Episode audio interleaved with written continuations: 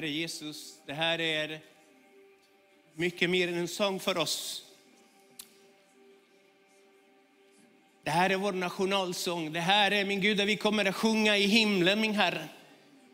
Men redan här och nu, vi enas som folk och som familj, min Gud, för att peka på den ende som är världens frälsare, för att peka på den ende som kan förvandla mörker till ljus, för att peka på den ende som är världens hopp.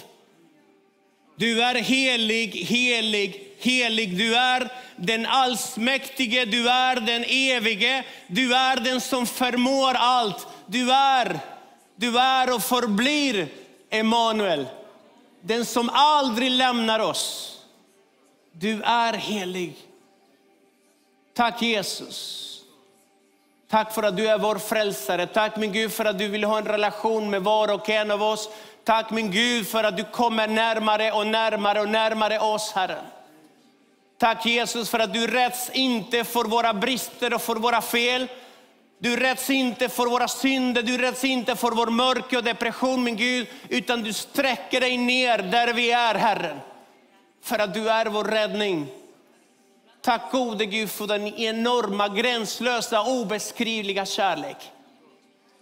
Du är helig, helig, helig.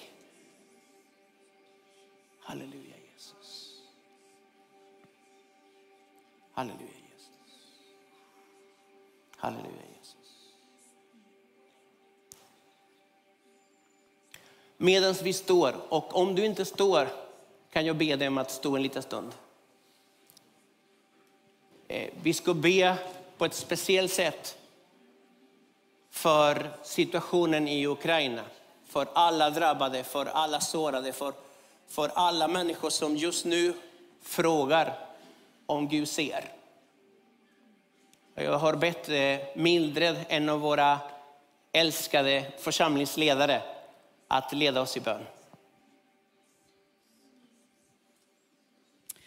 Tack Herre för nåden, att vi får stå här och prisa dig. Att vi har frihet att predika ditt evangelium och prisa dig Herre. Men nu vill vi be Gud för den situation som har uppstått inte långt härifrån. Herre, dina ögon de överfar hela jorden. Och tack att de är över Ukraina idag. Och vi ber, Herre, för människor som flyr för sina liv. Vi ber för människor som inte har kunnat fly och som finns kvar. Herre, vi ber för soldaterna som kämpar för sitt land. Och vi ber om förbarmande över dem som har skickats till Ukraina för att döda och inta deras land. Herre, det finns så mycket nöd. Vi ber för barn, vi ber för äldre, vi ber för mammor, Herre, som inte vet hur de ska kunna gå vidare. Men Herre, vi ber också för dina barn, för våra bröder och systrar som ber och kämpar för sitt land i en andlig, andlig strid, Herre. Inte med vapen, utan med böner och rop till dig, du som är en bönhörande Gud. Och vi vet, Herre, att det är du som har bestämt tider och gränser för folken. Och nu ber vi för Ukrainas gränser. Och vi ber, Herre, att eh, allt som har stulits ska lämnas tillbaka och att de gränserna ska få vara intakta som du har bestämt. Vi tackar dig Herre och vi ber Gud för våra vänner där borta. Vi ber att du ska föröka deras förtröstan och deras tro på dig Herre. Låt det ske Gud. Och så ber vi Herre att eh, kommunikationerna med Ukraina ska kunna hållas intakta. Så människor ska kunna hålla kontakt med sina släktingar och vänner där inne. Vi ber, Herre, att du är med och hjälper och stöder och beskyddar, Herre. Herre, du ser allt och du har kontroll. Det är du som har makten, Herre. Och vi tackar dig för det. I Jesu namn. Amen. Varsågoda och sitt.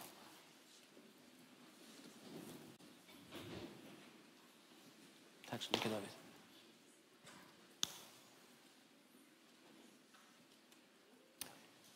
Uh, Jorge Moreno är mitt namn. Uh, en av pastorerna här och känner Gud i den här kyrkan tillsammans med min fru uh, Rosa. Eh,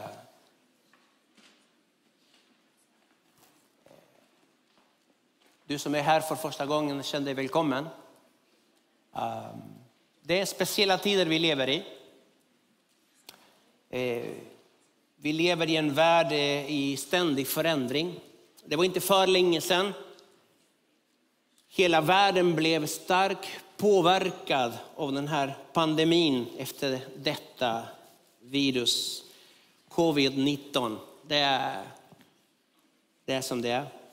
Och för inte många dagar sedan vaknade vi till nyheten om att det är krig återigen i Europa.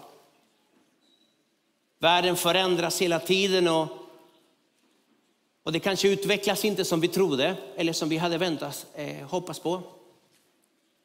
Och det kan infinna sig en känsla av osäkerhet, ångest, en, en oviss framtid.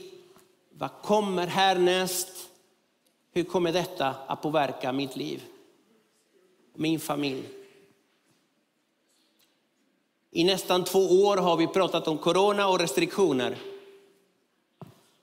Och nu är det krig. Var ska vi lägga vårt fokus i den närmaste framtiden? Var ska vi fästa vår blick på? Och det är lite grann de här frågorna som har, som har gjort att jag vill prata om en sak idag. Världen är i ständig förändring. Det har vi alltid pratat om. Men det finns en som står fast. En som förblir densamme. En som har som inte förändras. Mm. Han är fortfarande Emanuel, Gud med oss. Så min känsla är att mitt i allt det här, oberoende hur vindarna blåser, att han är med oss. Och ett amen på det skulle sitta fint. Min känsla är att han inte sover i båten. Min känsla är att det han har sagt det kommer att ske. Min känsla är att han har något att säga i den här tiden. Min känsla är att han har en väg mitt i allt detta. Jag förstår känslorna och jag vill inte verka respektlös mot det man upplever eller det man känner. Men min fråga nu är, hur vill Gud att vi ska tänka och känna i en tid som denna? Finns det någon trygghet? Finns det någon fast punkt i tillvaron? Finns det någon eller något som man kan lita på i det här livet oberoende hur det ser ut? Och svaret på det är ja och amen. Hans namn är Jesus. Bra, rätt svar. För att vara i en kyrka, det är bra svar. Jag skulle vilja att vi går till eh, Första Moseboken kapitel 15. Kapitel 15 och vi läser vers 1 där. Och där får vi finna eh, Abraham. Där han får möta Gud på ett speciellt sätt. Eh, Gud kommer att tala till Abraham. Det är som Gud tar initiativet och talar till honom. Det är inte första gången han gör det. Han talade med honom när han redan befann sig i staden Ur i Kaldenas rike. Och han måste ha hört den rösten många gånger och tydlig, för att annars kan ju inte förstå att man lämnar sitt land och sin släkt för ett land någon annanstans.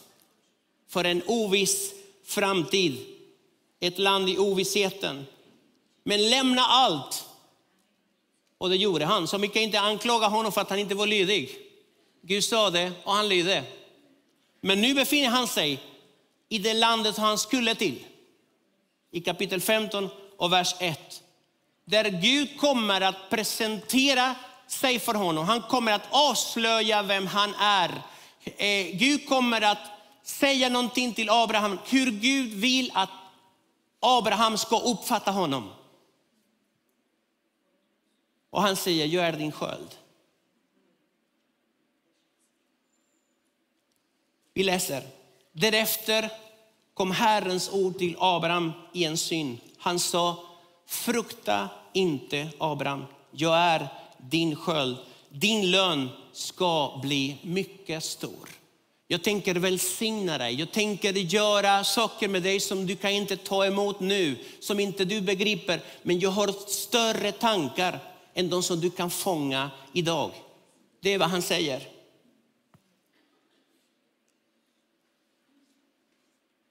Jag tror att det här är inte ett ord bara för Abraham eller Abraham, utan det här är ett ord för dig och mig. Det han säger till oss, oberoende av hur det ser ut, frukta inte, jag är din sköld och din borg. Och vad innebär detta? Det är att det spelar ingen roll hur världen ser ut. Han kommer att beskydda oss.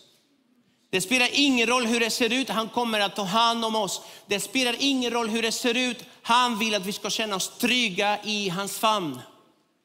Det är vad han vill när han säger, jag är din sköld. Han strider för dig och mig.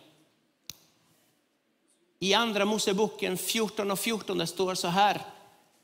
Herren ska strida för er och ni ska hålla er stilla. Och jag vet att det här låter fint och det låter som en klyscha och det här kan bli någon, någon dekal på någon bil. Men det här är sant. Det här är Herren som säger det. Så vill han bli uppfattad av dig och mig. Som den som är vår sköld och vår borg. När vi inte vet hur vi ska göra, när vi inte har svaret på alla våra frågor, när det känns som att allt pekar åt fel håll, då säger han, jag är din sköld. Glöm inte det, frukta inte.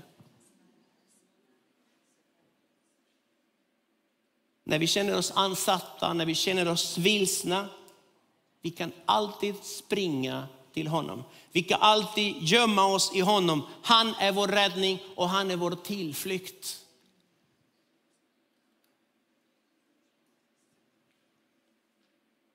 I Gamla Testamentet eh, målas Herren, eller beskrivs Herren många gånger som en klippa. Klippan med stora bokstäver. Och ibland kallas han för den eviga klippan, ibland som frälsningens klippa och ibland som tillflyktsklippan. Och framförallt psalmerna. Jag har märkt att psalmisterna skriver mycket om detta. Det finns en psalm som jag vill läsa och det är psalm 18, vers 2 och 3. Psalmisten beskriver Herren på följande sätt. Han sa, hjärtligt kär har jag dig, Herre, min starkhet, Herre, mitt bergs fäste, min borg och min räddare, min Gud, min tillflyktsklippa, min sköld och min frälsningshorn, mitt värn.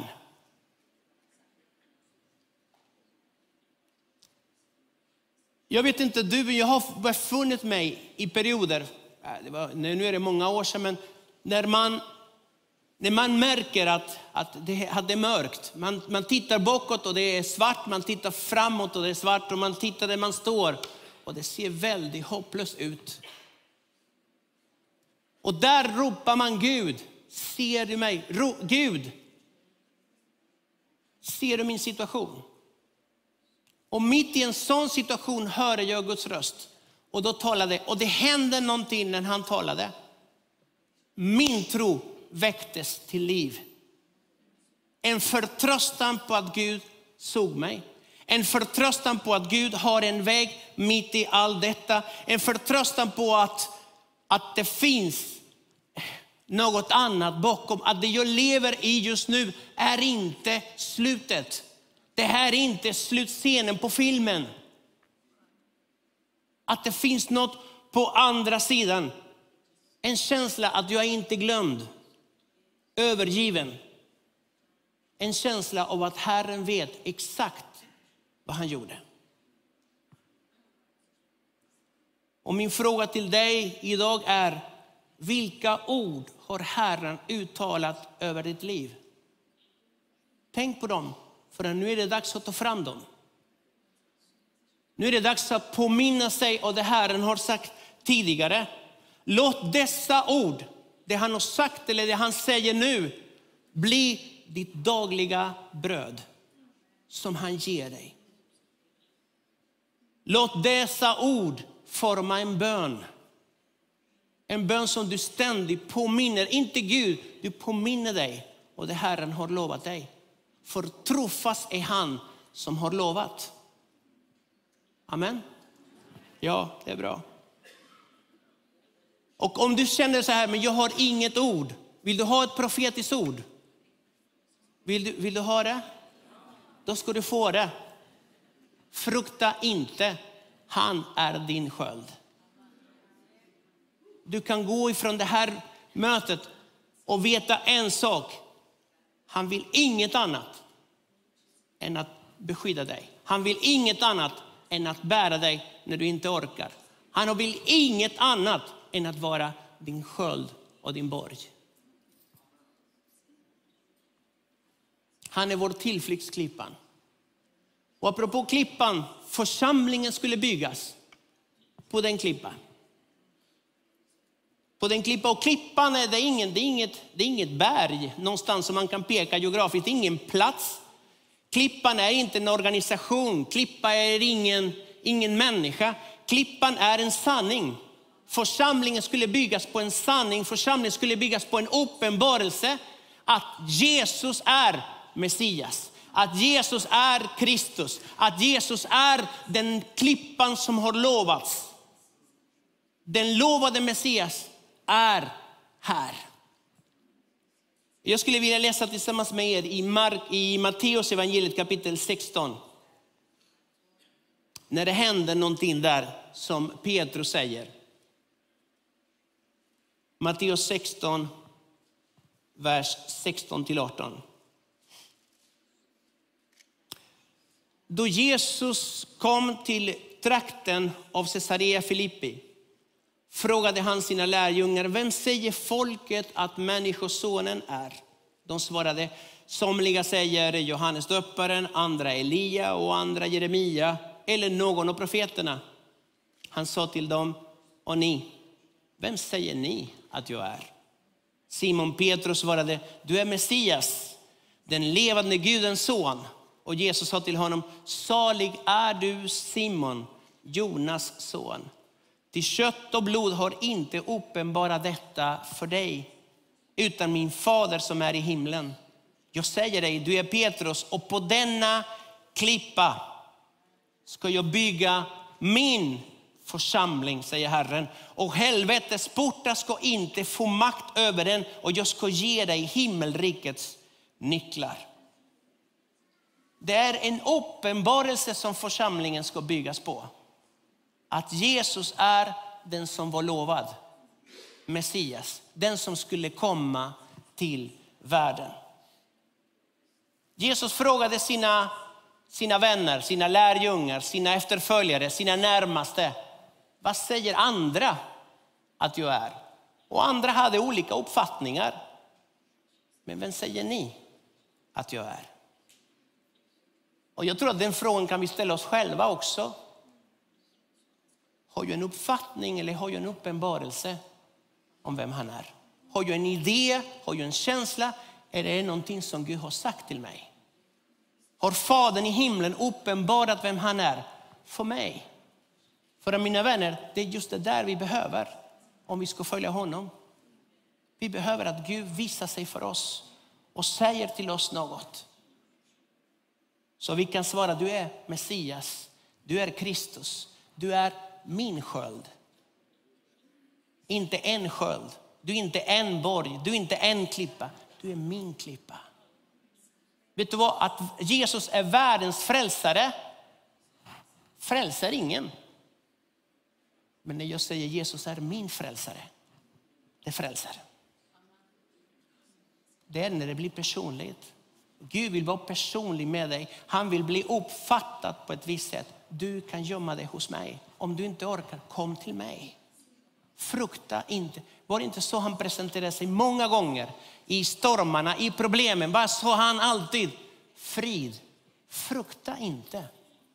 Jag är här. Jag sover inte i båten.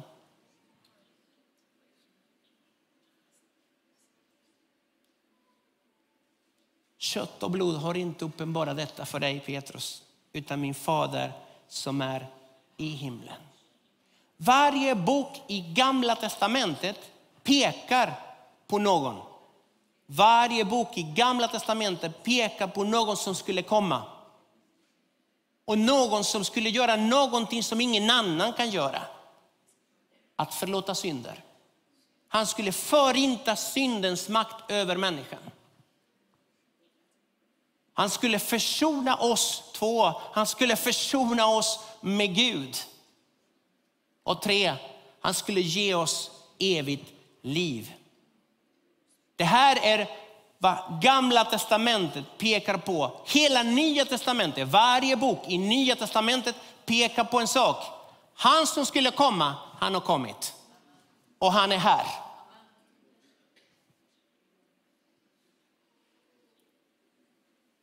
Så att samlas som församling, när vi samlas här, har en fundament, har en grund, det är att han är här. Så det handlar inte om vilken fin byggnad vi har, även om vi har det.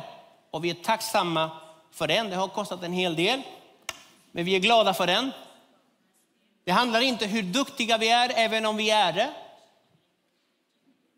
Det handlar inte om vilka resurser vi har, även om vi har dem. Nu skryter jag. Det handlar inte om hur trevliga vi är, även om de flesta är det.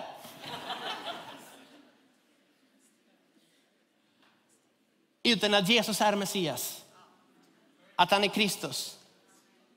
Att han är den han säger att han är. Att han lever idag.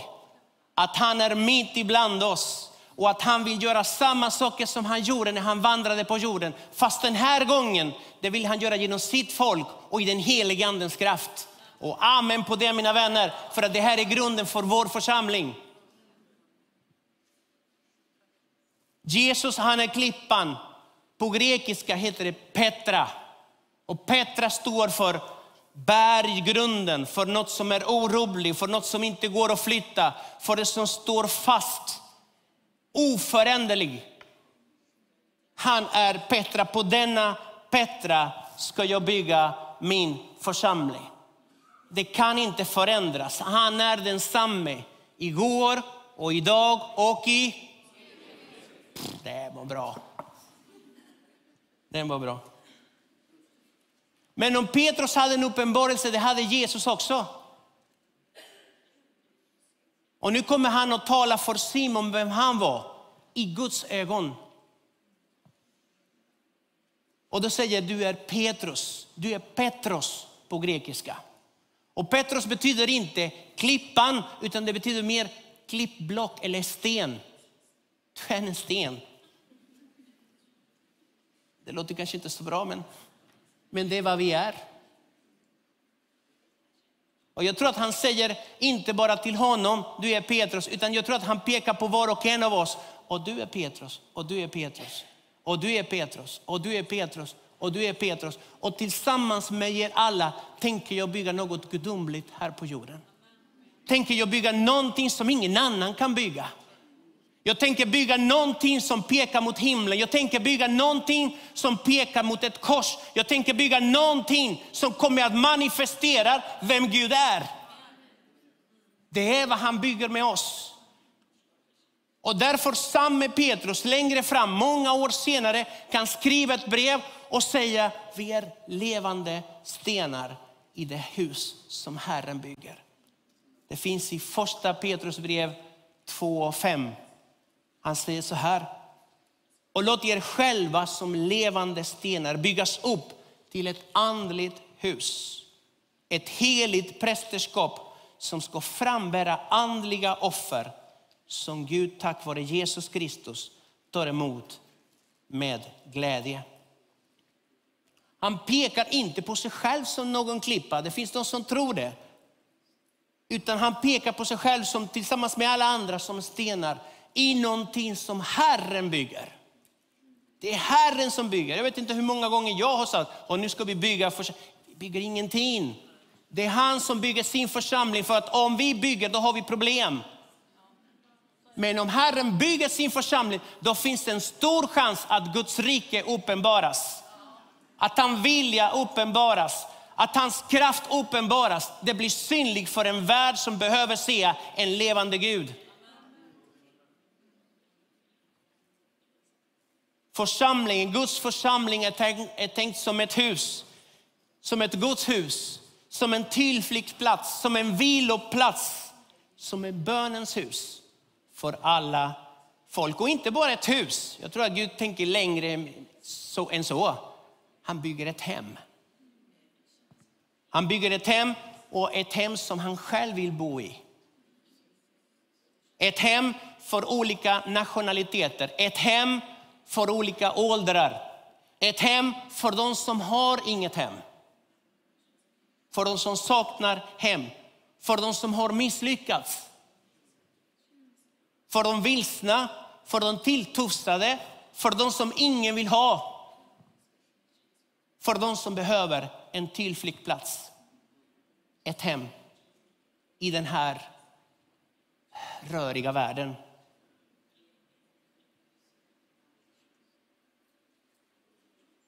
Tänk om vi kunde säga som Johannes döparen.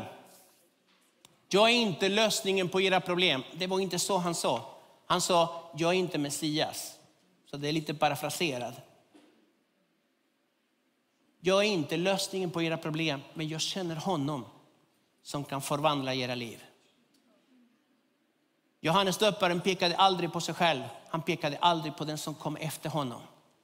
Och jag är inte värd att knyta upp hans sandaler. Jag är inte värd, men när han kommer, uff, när han kommer, han ska döpa er i helige ande och eld. När han kommer min vän, han kommer att sätta era hjärtan i brand. När han kommer, han kommer att, att öppna skrifterna för er. När han kommer, åh, det är bättre att han kommer. Tänk om vi kunde vara som Johannes döparen som pekar på honom och som säger när folk undrar, kan det komma något gott från, Nas från Nasaret? Kom och se. Kom och se. Det är inte ditt jobb, det är inte mitt jobb att övertala eller övertyga någon att kristendom, den är så här. Det är Guds jobb. Men han behöver någon som berättar för andra och som vittnar. Gud kan presentera sig själv för andra människor. Jag tror att det finns många i den här tiden som behöver upptäcka vem Jesus är. Och de behöver upptäcka att han är vår klippa, vår sköld och vår borg. Att det finns plats för dem. Kommer ni ihåg sista frågan som den där rövaren vid korset ställde? Han säger ungefär så här. Finns det plats för mig i ditt rike? Han sa, kom ihåg mig när du kommer i ditt rike, men vi skulle kunna parafrasera den. Finns det plats för mig? Finns det plats för någon som jag som har misslyckats med det mesta? Finns det plats för, någon som har gjort allt fel? Finns det plats för mig? Och Jesus parafraserar, självklart. Du ska vara med mig, för jag har ett hem för dig.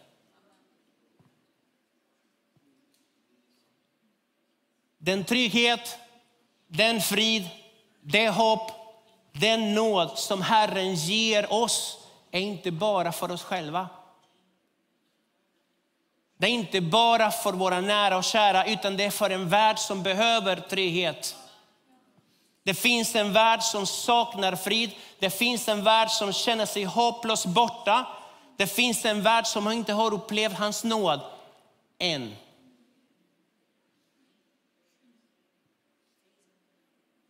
Och därför jag tror jag det är bra att vi förstår en sak, att han är min sköld och min borg, men att där finns också plats för andra.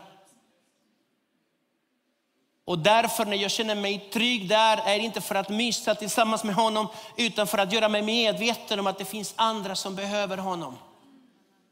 De finns där nära dig. De finns kanske i din familj. De finns kanske i ditt äktenskap. De finns kanske i, på din arbetsplats, eller i din skola, eller i din grannskap. Du känner dem vid namn. Men Jesus känner dem också. Och han vill, han vill att du ska vittna för dem. Han vill att du ska tala om för dem vilken Gud du har. Vi lever i en tid där det känns ibland sådär. Men i en sån tid, jag tror att det finns en kallelse från Gud att lyfta upp blicken. Fäst inte blicken för mycket i det som händer här och nu, för att världen är föränderlig. Men om vi lyfter blicken då kommer vi hitta en fast punkt.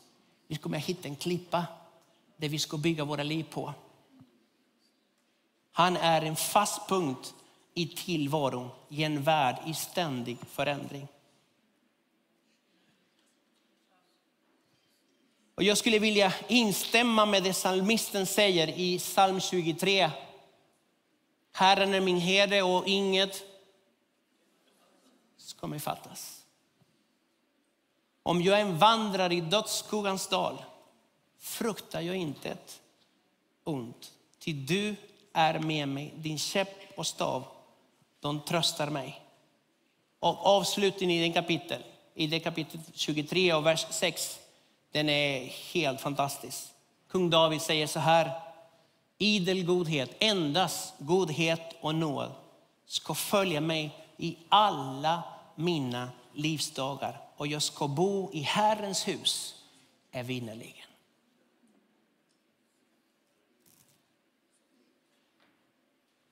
Jag tror att Gud ville på något sätt att vi ska känna oss trygga mitt i allt som händer. Känna oss trygga. Men att den trygghet är inte bara för oss. Den trygghet måste nå våra arbetskamrater, det måste nå våra klasskamrater, det måste nå våra nära och kära. Andra behöver upptäcka att Jesus är klippan, den fasta klippan. Och vi kan bygga våra liv på den klippan som är en uppenbarelse att Jesus är den som var lovad. Han är här, han lever idag. Kan vi be tillsammans? Vi böjer våra huvuden. Herre Jesus, Herre Jesus. Herre min Gud. Herre min Gud. Herre Jesus, när, när saker och ting inte utvecklas som vi, som vi trodde eller som vi hoppades. När mörkret blir mer kompakt runt omkring oss. Vi ber dig just nu, min Gud, att du hjälper oss att lyfta blicken och att fästa den på dig.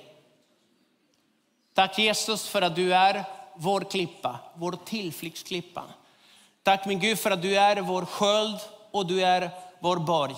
Tack min Gud för att du är vår styrka och du är vår framtid. Tack Jesus för att du har våra liv i dina händer. Herre Jesus, just nu vi lämnar oss helt och hållet i dina händer. I vetskap att du tar hand om oss. Att du tar hand om oss. Tack gode Gud. Tack Jesus för att du är trofast. Tack min Gud för att du älskar oss. Tack min Gud. Vi ber så i Jesu underbara namn. Amen. Och om du är här och, och du inte har Jesus i ditt hjärta, om du inte har välkomnat Jesus i ditt hjärta, du ska veta att det här kan bli din dag.